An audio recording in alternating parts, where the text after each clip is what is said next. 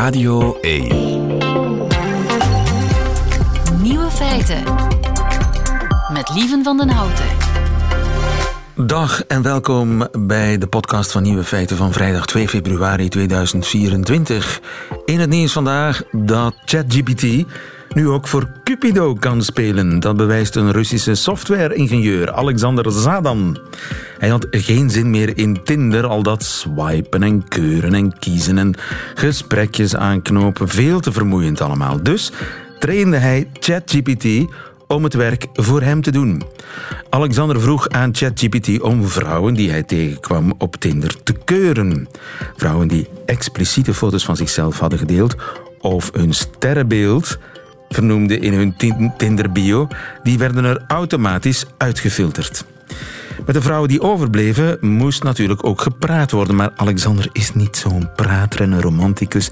Dus liet hij ook dat aan uh, ChatGPT over via een algoritme dat hij eh, getraind had met zelfs de woorden en formuleringen die hij zelf meestal gebruikt. De vrouwen in kwestie hadden helemaal niks door. Nadat meer dan 5000 kandidaat-vrouwen gewikt en gewogen waren, vond ChatGPT de ideale vrouw voor Alexander, een Russische met de naam Karina. Die moest hij nog finaal aan de haak slaan, maar ja, ChatGPT kon dat eigenlijk nog beter, want hij vroeg aan ChatGPT waar hij zijn vriendin ten huwelijk moest vragen in Hongkong. Antwoordde ChatGPT en zo geschiedde. Ze zei ja. Liefde in tijden van artificiële intelligentie. De andere nieuwe feiten vandaag. Felle kleuren worden minder fel na je vijftigste. Een sexy Jezus splijt Spanje. Annelies Bontjes, de Nederlandse journaliste in Brussel, ontdekt de typisch Vlaamse Hollanderhaat. We spelen de vrijdagquiz en Aurélie Zeebroek deelt haar middagjournaal. Veel plezier. Nieuwe feiten. Er is iets aan de hand met Jezus in Spanje. Veel mensen vinden hem te sexy. Goedemiddag, Umay Mahabalaj. Hi, goedemiddag. Je bent Spanje-correspondent bij eh, NRC. En uh, het gaat om de Semana Santa in Sevilla. Hè? Die wordt gevierd laatste week van maart, de week voor Pasen, de Heilige Week. En in Sevilla is dat iets heel bijzonders. Hè? Ja, eigenlijk in heel Spanje. Het hele land maakt zich al op. Er zijn dan processies door steden. En uh, daar horen de nodige aankondigingen bij. Door middel van posters, programma's die al worden gepubliceerd. En deze week stond Sevilla in het teken van een controverse, omdat de poster van Sevilla werd gepubliceerd. En daarop stond Jezus, maar dan een hele andere versie uh, van de Heilige Heer. En dat viel niet goed uh, bij de Sevillanen, maar ook in de rest van Spanje. Want wat je zag, of zodat de luisteraars een idee hebben, is een ja, hoe moet ik het zeggen? Uh, een, een, man die best wel een strak lichaam heeft, een stralend gezicht met een strak geknipte baard, golvende lokken en een gouden hoofdtooi. En zijn naakte lichaam werd enkel bedekt bij zijn geslachtsdeel. En het witte doek dat dus om zijn geslachtsdeel hing, accentueert zijn heupen. Nou, dat ziet er volgens veel Spanjaarden te sexy uit, maar de term te gay is ook al gevallen. En, en dat hoort niet bij uh, het imago van Jezus Christus. Want Jezus moet bloeden. Jezus moet bloeden en moet er rauw uitzien en je moet het lijden kunnen zien. En dit is een Jezus die eigenlijk uh, het hij ziet eruit alsof hij het heel goed heeft gehad ja. uh, in, in, de week van het lijden. hij is naar de kapper geweest, dat is duidelijk. Hij is uh, gefeund en uh, ja, dat, dat lendoekje dat hangt inderdaad heel erg laag, zie ik. Ehm, wie heeft die affiche gemaakt? Ja, dat is een kunstenaar uit Sevilla, Salustiano Garcia. Uh, hij wist van tevoren, zei hij al, uh, dat niet iedereen zijn werk zou waarderen.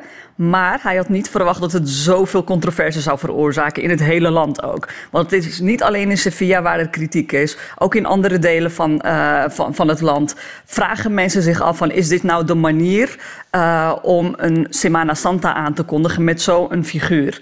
Ja. Maar aan de andere kant heb je ook best wel veel mensen die het grappig vinden. Dus aan de bar zie je veel mensen met een biertje erbij die erom kunnen lachen. Maar goed, het laat wel de verdeeldheid zien in het land.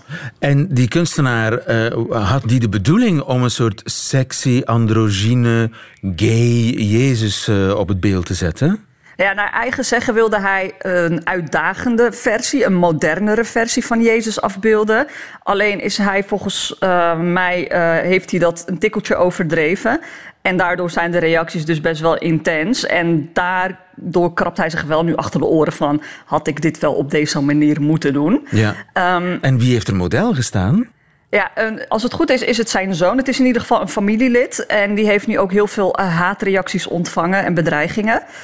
Um, om even aan te geven van hoeveel het losmaakt. Christelijke organisaties spreken schande van en dreigen naar de rechter te stappen, omdat het het christelijke geloof zou beledigen. En daarnaast is er een petitie gestart um, die pleit voor het verwijdering van de posters. Dus dat er gewoon een hele nieuwe moet komen die Sevilla wel goed representeert. Want dat is deze van meneer Garcia niet, volgens de Sevillanen. Het zegt iets over Spanje, hè? over hoe diep geworteld het geloof nog zit. Jazeker, maar dit is een, een, een, hoe moet ik het zeggen, een verdeeldheid die nu duidelijk zichtbaar is. Want aan de ene helft heb je dus de katholieken die nog enorm aan hun geloof vasthouden en die dit dus absoluut niet kunnen waarderen. Maar je hebt dus ook heel veel Spanjaarden die er de lol van inzien en zeggen van jongens, waar gaat het over? Dit is een poster. Um, we leven nou eenmaal in 2024 en de mannen van tegenwoordig kunnen er ook zo bij lopen. Dus we moeten dat juist omarmen en er vooral om kunnen lachen en niet zo serieus nemen. Dus die tweedeling wordt nu weer zichtbaar door deze poster van meneer Garcia. Ja, want er zijn ook Spaanse katholieken die dit wel een acceptabel beeld vinden. Ja, die zijn er ook. Die zijn er ook. Maar die hoor je niet. Uh, de mensen die je nu hoort zijn de, dus de organisaties die zich verenigd hebben, die tegen deze actie zijn. Maar er zijn inderdaad heel veel katholieken die ook zoiets hebben van ja, het is maar een poster. Het is niet de echte Jezus. Wij weten wie de echte Jezus was. Uh, die zag er niet zo uit. En dit is gewoon een willekeurig model. Uh, een gemoderniseerde versie van Jezus. Maar het is niet onze Jezus. Ja, maar het Spaanse katholicisme dat is ook heel erg afzien en lijden, hè? Dat klopt. en dat zie je ook terug in Semana Santa. Wanneer dan de, de uh, processies door de straten lopen, dan zie je mensen die uh, de, de, zeg maar de lijdensweg van Jezus naspelen. Dus dat komt allemaal terug in die Semana Santa. En daar hoort dus een ander beeld bij dan de Jezus Christus op de poster in Sevilla. Ja, want die Jezus is al verrezen en alle wonden zijn al weggespoeld en hij bloedt niet meer en hij ziet er stralend uit. Was de bedoeling van de kunstenaar, valt niet overal even goed in eh, Spanje. Dankjewel, Omaima in Spanje voor ons. Goedemiddag. Dag. Nieuwe feiten. De ontdekking België. Meer bepaald door Annelies Bontjes, de correspondente van het uh, Nederlandse dagblad Trouw in Brussel. Goedemiddag. Goedemiddag, lieve. Wat heb je deze week aan ons land ontdekt? Nou, ik heb deze week toch wel weer iets schokkends ontdekt. Ja. Wauw. Um, Vlamingen hebben het niet zo op de Nederlanders, heb ik ontdekt. Dat heb je, hoe lang woon je al in... Uh, ja, ik wist dat eigenlijk niet.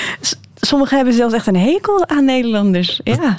En dat, dat ontdek jij na twee jaar? Ja, ja, ja, ja, je redacteur Gilles die was ook al in shock dat ik daar nu pas achter kwam. Maar het is echt waar. Ja. En hoe heb je dat ontdekt? Nou, uh, dan moeten we even terug naar uh, Thierry Baudet. Thierry Baudet, uh, partijleider van Forum voor Democratie, die heeft uh, een Forum voor Democratie Vlaanderen gelanceerd. Juist, ja. En zijn grote plan is dat Thierry Baudet komt uh, jullie redden in Vlaanderen, want uh, hij wil groot Nederland herstellen. Het is een grote fout in de geschiedenis dat Vlaanderen en Nederland ooit zijn gescheiden. En uh, nou ja, het is zijn grote plan om die twee weer bij elkaar te voegen. Nou, toen dacht ik, ja, zou dat aanslaan, dat verhaal? Toen heb ik een paar politicologen gebeld om dat te vragen. En die zeiden, ja, daar zitten wij echt niet op te wachten. Zijn ze allemaal? Ja, en blijkbaar uh, is Thierry Baudet wel een goed gezelschap. Want Bart de Wever heeft in 2021 hier ook een speerpunt van gemaakt. Toen heeft hij ook groot aangekondigd dat hij liever als zuidelijke Nederlander zou sterven dan als Belg. Nou, daar viel iedereen toen best wel over, over die uitspraak. Maar toen heeft hij dat ook heel erg verdedigd. Dat hij ook vindt dat Vlaanderen en Nederland weer bij elkaar zouden moeten horen. Nou, en toen uh, werd hij uitgenodigd in verschillende programma's om daarover te praten en dat uit te leggen. En uh, onder andere bij Op 1, Nederlands debatprogramma. En toen ging Op 1, die heeft ook een beetje aan een aantal Belgen gevraagd, uh, Vlamingen gevraagd of zij daar zin in hadden. En nou ja, dit is wat ze zeiden. Vlaanderen bij Nederland? No, no, no, no, no. Verschrikkelijk. Wow. Arrogant. Geen beleefdheid. Maar waar ziet u Nederlanders dan het liefst? Waar? In Nederland zelf. Wij zien Nederlanders heel graag in Nederland. Ja. ja. nou. was ik toch wel een beetje van uh, Jij was daardoor ontdaan zelfs. Eigenlijk wel, ja. Ik wist dat niet dat dat, zo, uh, dat dat zo diep zat. Ja, en heb je dan onderzoek gedaan naar waar dat zou vandaan kunnen komen? Ja, nou ja, ik denk dat het een beetje te vergelijken is met... Nou ja, ik denk als ik nu zo twee jaar hier ben, dat in België in de media en zo hier toch wel vaak gaat over Nederland. Dingen worden afgezet tegenover hoe dat in Nederland gaat. Nederland, ja, het is een beetje ouderwets, maar toch Nederlands gidsland, denk ik nog een klein beetje, wat het echt aan het veranderen is. En ik denk dat dat vergelijkbaar is met hoe wij naar Duitsland kijken eigenlijk. Toen ik ja, hoe ik ben opgegroeid in de media in Nederland kijken eerder naar Nederland versus Duitsland. En misschien is het een beetje zo, ja, een beetje een buren liefde, burenverhouding ja, of zo. Ja. Ik zou ook niet bij Duitsland willen horen. Dus misschien is het dat een beetje. Maar, ja. maar ik wist eigenlijk niet dat, dat, dat Vlamingen ook zo over Nederlanders dachten. Ik, uh, ja. Zou het aan de Nederlanders zelf kunnen liggen? Oh, jij wil daarheen. Ja, nee, natuurlijk ligt het niet aan ons. Nee. Ja, nee, oké. Okay, ja. Die mensen zeggen in dat programma ook dat Nederlands arrogant zijn. Nou, dat stereotype, ja, dat heb ik natuurlijk ook wel vaker gehoord. Misschien, misschien is dat ook wel waar. Ze zijn nogal luidruchtig vaak op straat. Ja, maar je, kunt, ik denk... je kunt ze ook herkennen. Er is geen enkele volkssoort, als ik dat zo mag noemen, die je zo herkent van op kilometer. Ja, maar er is een verschil tussen Nederlanders en een Nederlander in een groep. Ja, dat is ook Toch? zo. Ja. ja. Dat is absoluut zo. Want dan gaan ze met elkaar in discussie en iedereen vindt natuurlijk overal wat van. Nou, dat vinden Vlamingen ook niet zo leuk volgens mij, dat we overal wat van vinden en dat ook willen zeggen en in debat gaan. En dan gaan ze luider praten. En ja, oké, nee, ik snap dat groepen Nederlanders niet zo leuk zijn. Dat, uh... Ja. Maar snap je ook het minderwaardigheidscomplex van de Vlaming? Ja, daar wilde ik jou naar vragen. Hoe, hoe, denk, ja, hoe, hoe, denk jij dat dat komt? Ik denk dat dat te maken heeft met een minderwaardigheidscomplex, inderdaad. De Nederlander die, die toch de dingen beter kan vertellen, beter kan uitleggen. Beter voor elkaar heeft vaak. Uh, ja, en de Nederlander die ook, ja, als je... Eh, nu ga ik iets heel gevaarlijk zeggen, maar ze kijken op ons neer. De Nederlanders. Dat gevoel krijg je als Vlaming vaak. Nou, ik denk we tellen dat... niet echt mee. Vandaar ook dat jij hebt moeite om in Amsterdam bij jouw hoofdredacteur yeah. te gaan uitleggen hoe, wat belangrijk is aan België. Yeah. Yeah. Want Nederlanders vinden Belgen alleen maar interessant als ze, als ze gekke dingen doen. Die gekke Belgen. Leuk, leuk, leuk. Ik denk dat het ook een beetje onverschilligheid is. Zelfs. Juist. Ja, Juist. want toen Bart de Wever dat had gezegd, nou, alle, alle media hier vielen erover. Nou, dat kon er niet. Maar in Nederland stond er geen letter over in de krant. Ja, hij mocht op één dat, bij op één dat vertellen, inderdaad. Maar wij zijn er gewoon niet zo mee Toch wederom als een soort gekke Belg. Kijk, kijk die niet. Ja, ja, met zijn gekke plannetje en zo. Ja. En hij, ja, hij wilde het heel serieus maken met, nou ja, dat we dan een grotere haven hadden. En uh, nou ja, in verderop in de uitzending gingen ze dan uh, ja, gewoon hele flauwe dingen met elkaar vergelijken. Er werd inderdaad Ja. weer een mop van gemaakt. Ja. Uh, ik denk ook dat het te maken zou kunnen hebben met de Randstad. Want het is ook de Randstad die een beetje neerkijkt op de rest van Nederland. Wij gebruiken nu hele algemene categorieën. Ja. Uiteraard, voor individuen gaat dat niet. Ja. op. Maar er is een gevoel in Nederland, in de Achterhoek, in Gelderland, dat, dat die moet, uh, ja, uh, dat die niet meetellen. Dat de Randstad bepaalt hoe er gepraat wordt, bijvoorbeeld. Ja. Limburgse meisjes praten Randstads Ja. om erbij te horen. Ja, ja, ja, Kun je nagaan wat er gaat gebeuren als Vlaanderen bij Nederland hoort? ja. Dan moeten wij ook allemaal Randstads praten, Dat zou we niet mee. Ja, maar Vlamingen hebben daar dus echt een mening over Nederlanders. Vinden ze luidruchtig, vinden ze Ja, ja, we hebben al, arrogant. we- ja, ja. Maar Nederlanders vinden niet zoveel Vlamingen. Dat is juist het probleem. Ja, maar ik wist niet dat dat zo'n verschil was eigenlijk. Ja.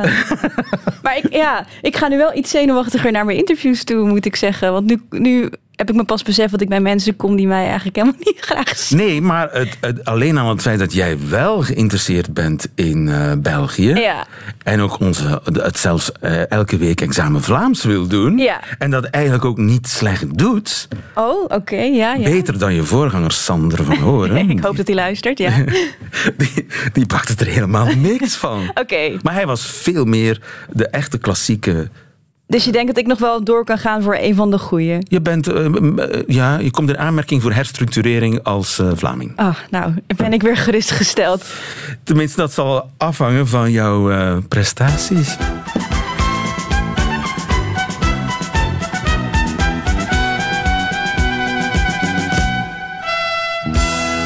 Examen Vlaams. Ik heb allemaal combinaties met de woorden erdoor. Oké. Okay. Wat is erdoor zijn? Uh, dat, je, dat je het gehaald hebt. Wauw. dat je examen hebt gehaald, Je bent er door. Ja. Zeg je dat in Nederland Nee. ook? Nee, hè? Maar Nee. heb jij geleerd? Heb ik geleerd. Voilà, kijk, Ja, dat bedoel ja, ik ja. nu. Want ik me zo interesseer, ja, ja. Erdoor zitten. Eh, nou, dan heb je het even gehad. Dan heb je er gewoon geen zin meer in, toch? Ik zit erdoor. Ja. Ik kan niet meer. Ja. Dat is het. Je hebt genoeg. Goed. Ook heel goed. Oké. Erdoor komen. Eh, nou ja, Hij komt erdoor. hij, haal, hij, haal- hij komt eraan? Of zo? Ja, ja, zo kan het ook wel. Ja. Ja? Ja, ben erdoor gekomen. Ja, maar het is ook een beetje genezen. Oh, het je komt erdoor. Hé, ik ben erdoor gekomen. Ik ben erdoor. Ben erdoor. Oké. Het is De- voorbij. Ik had de griep, maar ik ben er... Maar het kan ook gebruikt worden. Bijvoorbeeld, eh, eh, hij komt erdoor. Er was heel veel file. Hij, is, hij heeft vertraging en, en hij komt aan. Hij komt erdoor. Oké. Hij is door de file. Ja, precies. Ja, ja, ja. Ehm, erdoor krijgen. En- Iets erdoor krijgen. oh, eh, als je... ehm, dat is in de politiek of zo, toch? Als iets ter stemming wordt gebracht en dan eh, zegt, zegt iedereen... ja, oké, dat gaan we doen. Dan is het er... De minister heeft het hele voorstel erdoor gekregen. Ja, precies. Wauw. Erdoor jagen. Eh, als iets heel snel ter stemming gebracht moet worden. Ja, dat begint te struikelen. Oh. Eh, Iets erdoor jagen. Even, even snel. Ja, snel. Zo, iets snel doen. Ja, ja, ja, half puntje. Maar het is ook opmaken, geld opmaken. Heeft, Oh, het, ja, allemaal op, ja, hij heeft het er allemaal doorgejaagd. Wij zeggen- de, de hele erfenis er doorgejaagd. Ja, we jagen het er doorheen, zeggen Ook we. er, er doorheen. Jullie zeggen ook er Ja. doorheen zitten. Ja. Terwijl wij zeggen er door zitten. ja, maar jullie zeggen weer doorheen België of zo. Doorheen België. ja, maar dat zegt toch? Dat is kra- krankzinnig, hè? Ja. Doorheen België. Dat toch? Ja, Ja, ja, ja, dat is wel raar. Ja, Dat door België zeggen. Nog een laatste. Er- Erdoor drukken. Als je vindt dat het echt moet gebeuren. Dan als je je mening, als je je mening geeft en jouw mening is de enige die telt, die, dan druk je je mening erdoor. Ja, ik vind hem fantastisch. Dank Zie je. Je bewijst je Belg zijn of je, kan, je kandidaat Belg zijn. Ja, je, je hoeft aan mij geen hekel te hebben. Nee, waren alle Nederlanders zoals Annelies Bontjes, dan was die Vlaams-Nederlandse hereniging al lang gebeurd. Ik zal Bart de Wever bellen. Ja, doen. Tot volgende week. Annelies Bontjes. Nieuwe feiten. Radio 1. Bent u 60 plus, dan ziet u kleuren minder fel dan jongere mensen. Dat ontdekte Janneke van Leeuwen. Goedemiddag, Janneke. Goedemiddag. Je bent neurowetenschapper in Londen aan de University College. En eh, je hebt eigenlijk min of meer bij toeval ontdekt dat ouderen minder fel kleuren zien dan jongeren. Ja, dat, dat kan zo gesteld worden. We hadden een heel breed onderzoek opgezet, waarbij we eh, benieuwd waren, eh, nou ja, op welke manier eh, nou ja, gezonde ouderdom, dus zeg maar gewoon het normale ouder worden, invloed heeft op de manier waarop we kleuren ervaren, zowel fysiologisch als psychologisch. En dus we hadden een heleboel verschillende eh, dingen onderzocht. En daar kwam dus uit naar voren dat eh, als, naarmate we ouder worden, dat we minder gevoelig worden voor de intensiteit, dus de kleurigheid van kleuren. Ja, maar dat lijkt mij heel moeilijk, want ja, de manier waarop ik rood zie, verschilt misschien van de manier. Ik ga nooit weten hoe iemand anders rood ziet.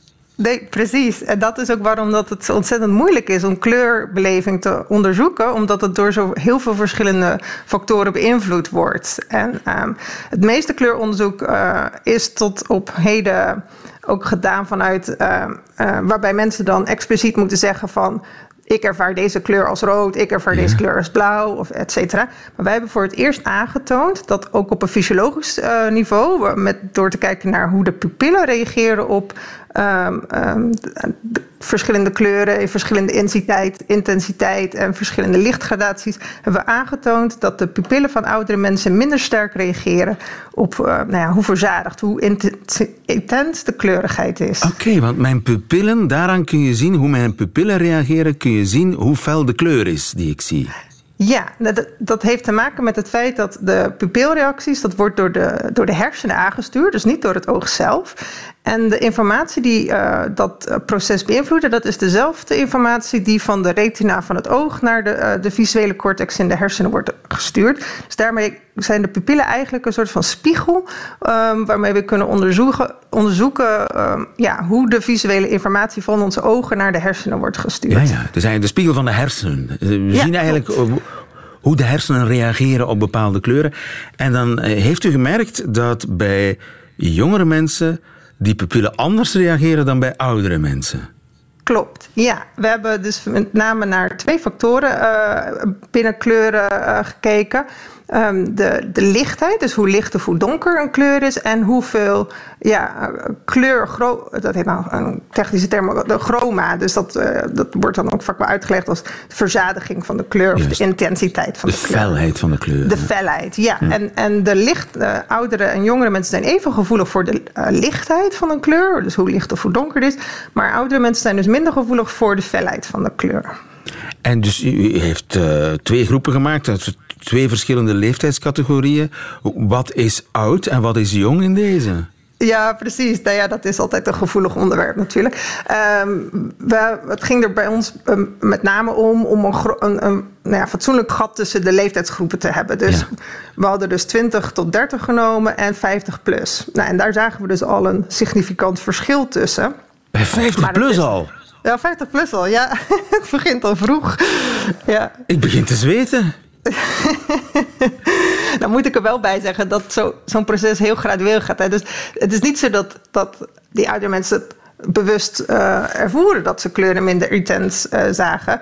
En dat is ook wat door de wetenschap uh, tot op heden eigenlijk de consensus altijd is geweest. Van nou ja, door ons hele leven heen blijft onze kleurbeleving eigenlijk constant. En dat, dat, die overtuiging is dan met name gebaseerd op het feit dat we, naarmate we ouder worden, is wel aangetoond dat we nog steeds goed kunnen onderscheiden tussen verschillende kleurcategorieën. Dus we merken het zelf steeds... niet. We merken het zelf niet, precies. Ja.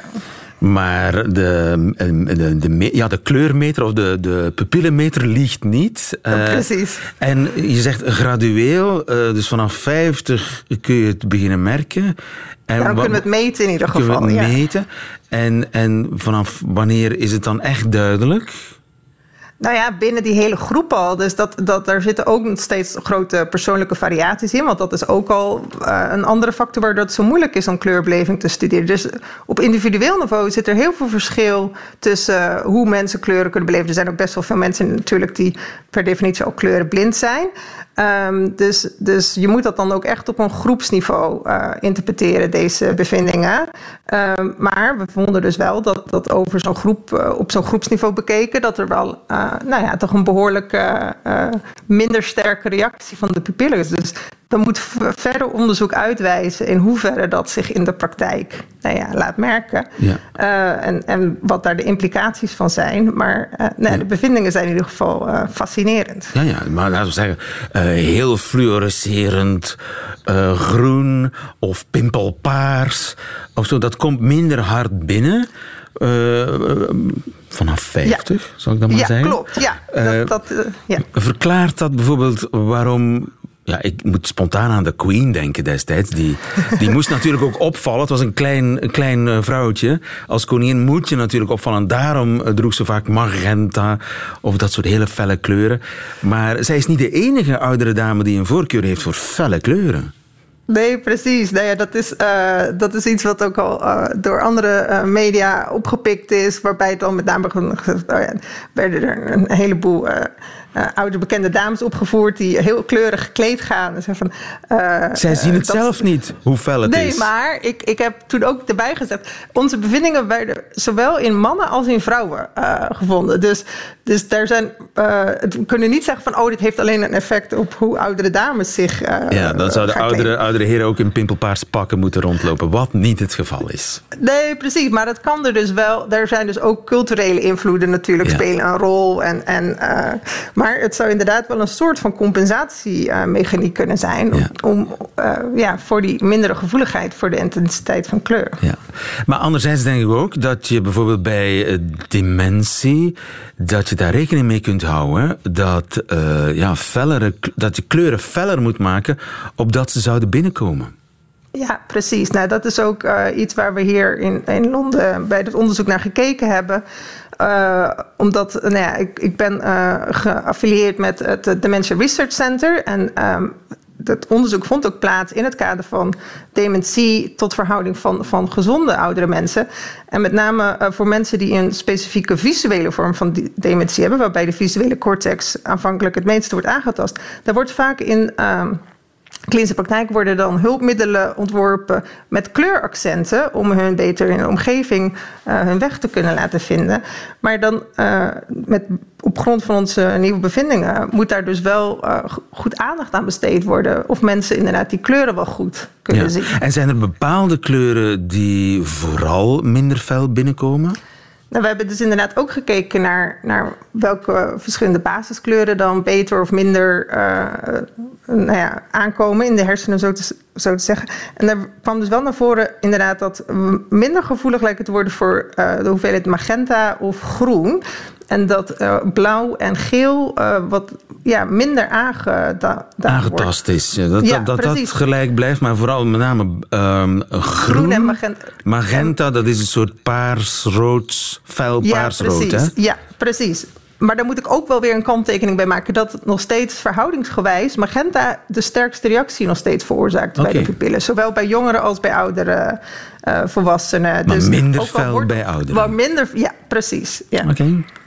Goed, dat is heel eh, boeiend allemaal. Janneke van Leeuwen mag je nog veel succes wensen in Londen daar. Ja, bedankt. Fijn, dankjewel. Goedemiddag. Tot ziens. Dag.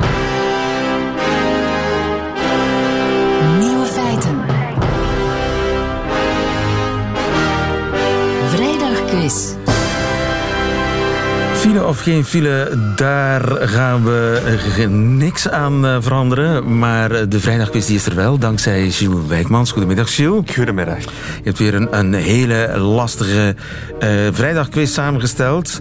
We spelen voor een boekenbon ter waarde van 25 euro in te wisselen bij een onafhankelijke boekhandelaar. Aangesloten bij eh, Confituur. Zijn er niet altijd tractoren op weg naar Roeselare? Inderdaad. In- in- Plotseling schiet het mij te binnen. we, we, spelen, we spelen met Maarten. Goedemiddag, Maarten. Goedemiddag. Maarten uit Genk, jij zit niet in een file, jij wordt niet geblokkeerd door landbouwers. Wat was je aan het doen? Eh, ik was onderweg naar een file. Ach, Maarten toch. Je moest wel. Ja, ik moest. Maar goed. eh, het, eh, je moet, als je in de file zit, gewoon denken: het is vakantie, rustig tijd, ik kan over alles nadenken. Wie weet. Het is bijna weekend, dus eh, dat komt helemaal goed. Niks aan de hand. Anne Mulders, goedemiddag. Goedemiddag. Uit Brecht. Eh, wat was Ja. jij aan het doen? Ik was aan het lezen. Oh. En wat? We willen altijd alles weten. Eh, Kinderen van de rivier van Lisa Wingate. Wauw, spannend. Goed, ehm, ik Ja. ga jullie kennis testen van vier nieuwe eh, feiten. Ik begin bij Maarten, die zich eerst heeft gemeld. Zolang hij juist antwoordt, blijft hij aan de beurt. Eh, dan gaat hij in de fout. Dan gaat de beurt naar Anne, wie het laatste nieuwe feit goed kent. Die wint deze quiz. Maarten, ik begin bij jou. Wat kan een even grote oppervlakte hebben als half Duitsland? A. Alle uitgevallen haren van Belgische mannen per jaar. B. De uitgeprinte privacyvoorwaarden van Google. Of C. Een PDF-bestand. Wat kan half Eh. zo groot als Duitsland zijn? Als ik naar mijn vriendenkring kijk, dan gaat het meest logische antwoord A zijn. Oh, nee. Ja. Fout, foute jingle. Het was ook fout. Je hebt alles, alles je, bij jou niks uitval, hè? Niks, hè? Je bent een echte haarboer. ja, mijn kapper komt straks. eh, Dus... Je kan, camoufleert het misschien. Ja, ja. Ik, Echt waar? Goh, Nee, nee, nee. er verdwijnt af en toe wel iets. ja. Eh, bij iedereen. Anne Mulders, aan jou. Ik dacht B. Je denkt B. Het was een pdf-bestand. Een pdf-bestand kan zo groot zijn als half Duitsland. Ja, inderdaad. Dus een, een pdf bestaat, hè, zoals, het is een bestandsvorm, dus het bestaat uit verschillende pagina's. En als je het aan, eh, maximum aantal pagina's neemt en die allemaal langs elkaar zou leggen, dan kom je tot een oppervlakte van eh, half Duitsland. En dat is dan 145.161 vierkante kilometer. Er worden mensen betaald om dat uit te zoeken. Ja, er zijn ook mensen die dat leuk vinden om uit te zoeken. Maarten, ik kom terug bij jou. Wat is de beste manier om vis te bakken? In de open haard, in de microgolfoven of in de afwasmachine? Eh, vis of vlees? Vis. Eh, in de open haard. Had ik ook gezegd, maar het is fout. Anne. In de afwasmachine. Oh, Anne toch. Fout. Oh, visbakken in de afwasmachine. Dat had gekund, maar... Ja, een beetje sous vide. Ehm, nee, in de microgolf. Althans, volgens de New York Times. Die hebben een artikel geschreven waarin enkele koks vertellen dat de microgolfoven dus de beste manier is om een vis te bakken. En het heeft te maken met hoe een microgolfoven werkt. Ehm, daarin, daarmee worden eigenlijk de watermoleculen die in je voeding zitten verwarmd. En vis bevat veel water. Dus het kan lekker van binnenuit verwarmd worden, zonder dat, zoals je bijvoorbeeld bij een oven of een pan hebt, dat je de buitenkant heel hard verwarmt. En mijn korstje? Ja, geen kortje in een microgolfoven, dat niet. Boe. Eh, Maarten. Ja. Onderzoekers zijn erin geslaagd om iets visueels om te zetten in geluid. Wat is dit?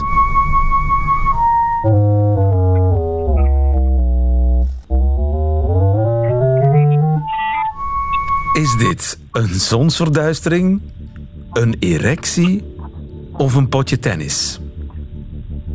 Maarten. Eh, ik ga voor een potje tennis.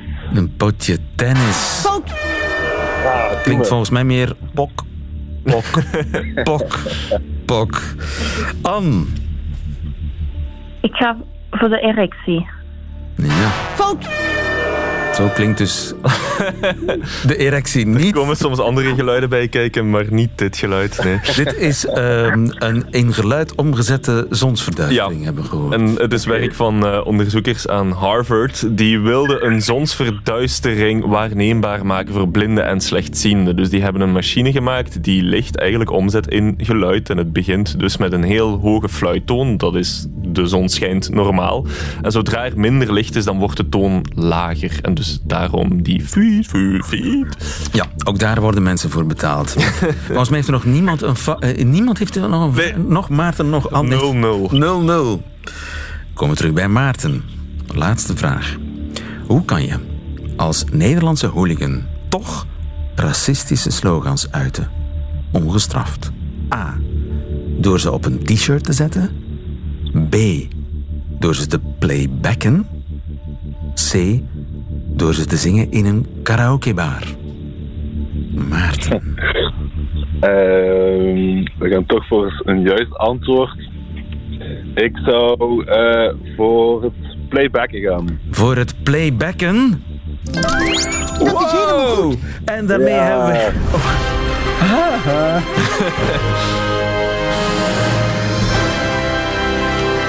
Het enige goede antwoord in deze quiz levert meteen een boekenbon op ter waarde van 25 euro. Gefeliciteerd Maarten Hansen. Dankjewel.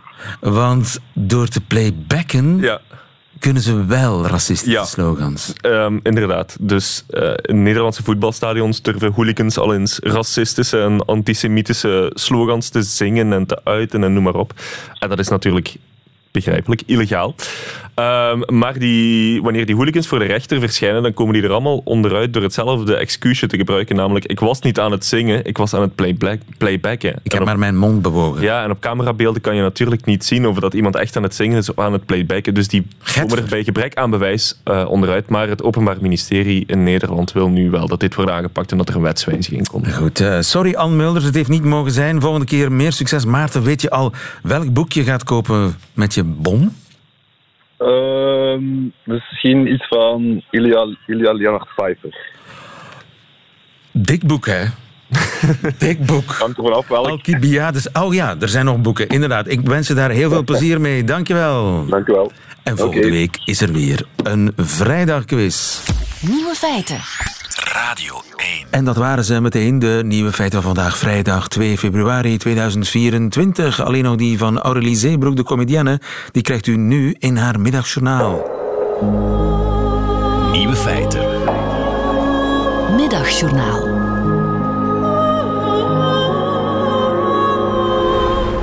Beste luisteraar, deze keer vertel ik jullie over het verschil tussen een job en een carrière. Ik heb een collega die nooit glimlacht. Elke ochtend bij het binnenkomen, gelukkig niet echt elke ochtend, ik werk maar twee dagen per week, probeer ik haar op een subtiele wijze te overtuigen om haar mondhoeken naar omhoog te werpen. Maar hoe breder ik lach, des te griezelig haar aura lijkt te worden. En het enige wat ons verbindt is het feit dat we dezelfde job hebben. Bij een job zit stiekem op het toilet te sms'en met je lief om je relatie tot stand te houden. Wanneer je een job hebt, neem je vijf scheppen instant koffie mee naar huis om je onkostenvergoeding te compenseren. Op het kabinet van minister van Onderwijs, de Griselda Blanco van de Lage Landen, liggen er tenminste 50 zakjes cocaïne. Daar zouden ze hier beter een voorbeeld aan nemen. Er zijn weinig dingen erger dan het gevoel hebben dat je te veel uren in een dag hebt terwijl je lijdt onder een koortsig slaapgebrek. Jobs kunnen je tot waanzin brengen. En daarom moeten we pesten op de werkvloer legaliseren en omarmen. Kinderen pesten elkaar om een machtsspel in gang te steken, maar volwassenen pesten hun collega's uit pure verveling en eenzaamheid. Gebrek aan teamspirit volgens Google. Bij een carrière is het anders. Liefst laat je ook aan iedereen weten dat je zelfstandig geworden bent. Door herhaaldelijk te blijven zeggen dat je dit jaar 10.000 euro hebt moeten afstaan aan de Belastingdienst. Mensen met een carrière hebben geen tijd voor lunchpauze en kopen altijd prullen voor de zaak. Zoals auto's met een bumpersticker op de kofferdeur of gepersonaliseerde balpennen die enkel gebruikt worden om op te knagen. Kortom, een carrière is het bindmiddel om jezelf wijs te maken dat je geen job hebt, maar een hogere missie. En dat is volgens de loopbaancoach erg goed.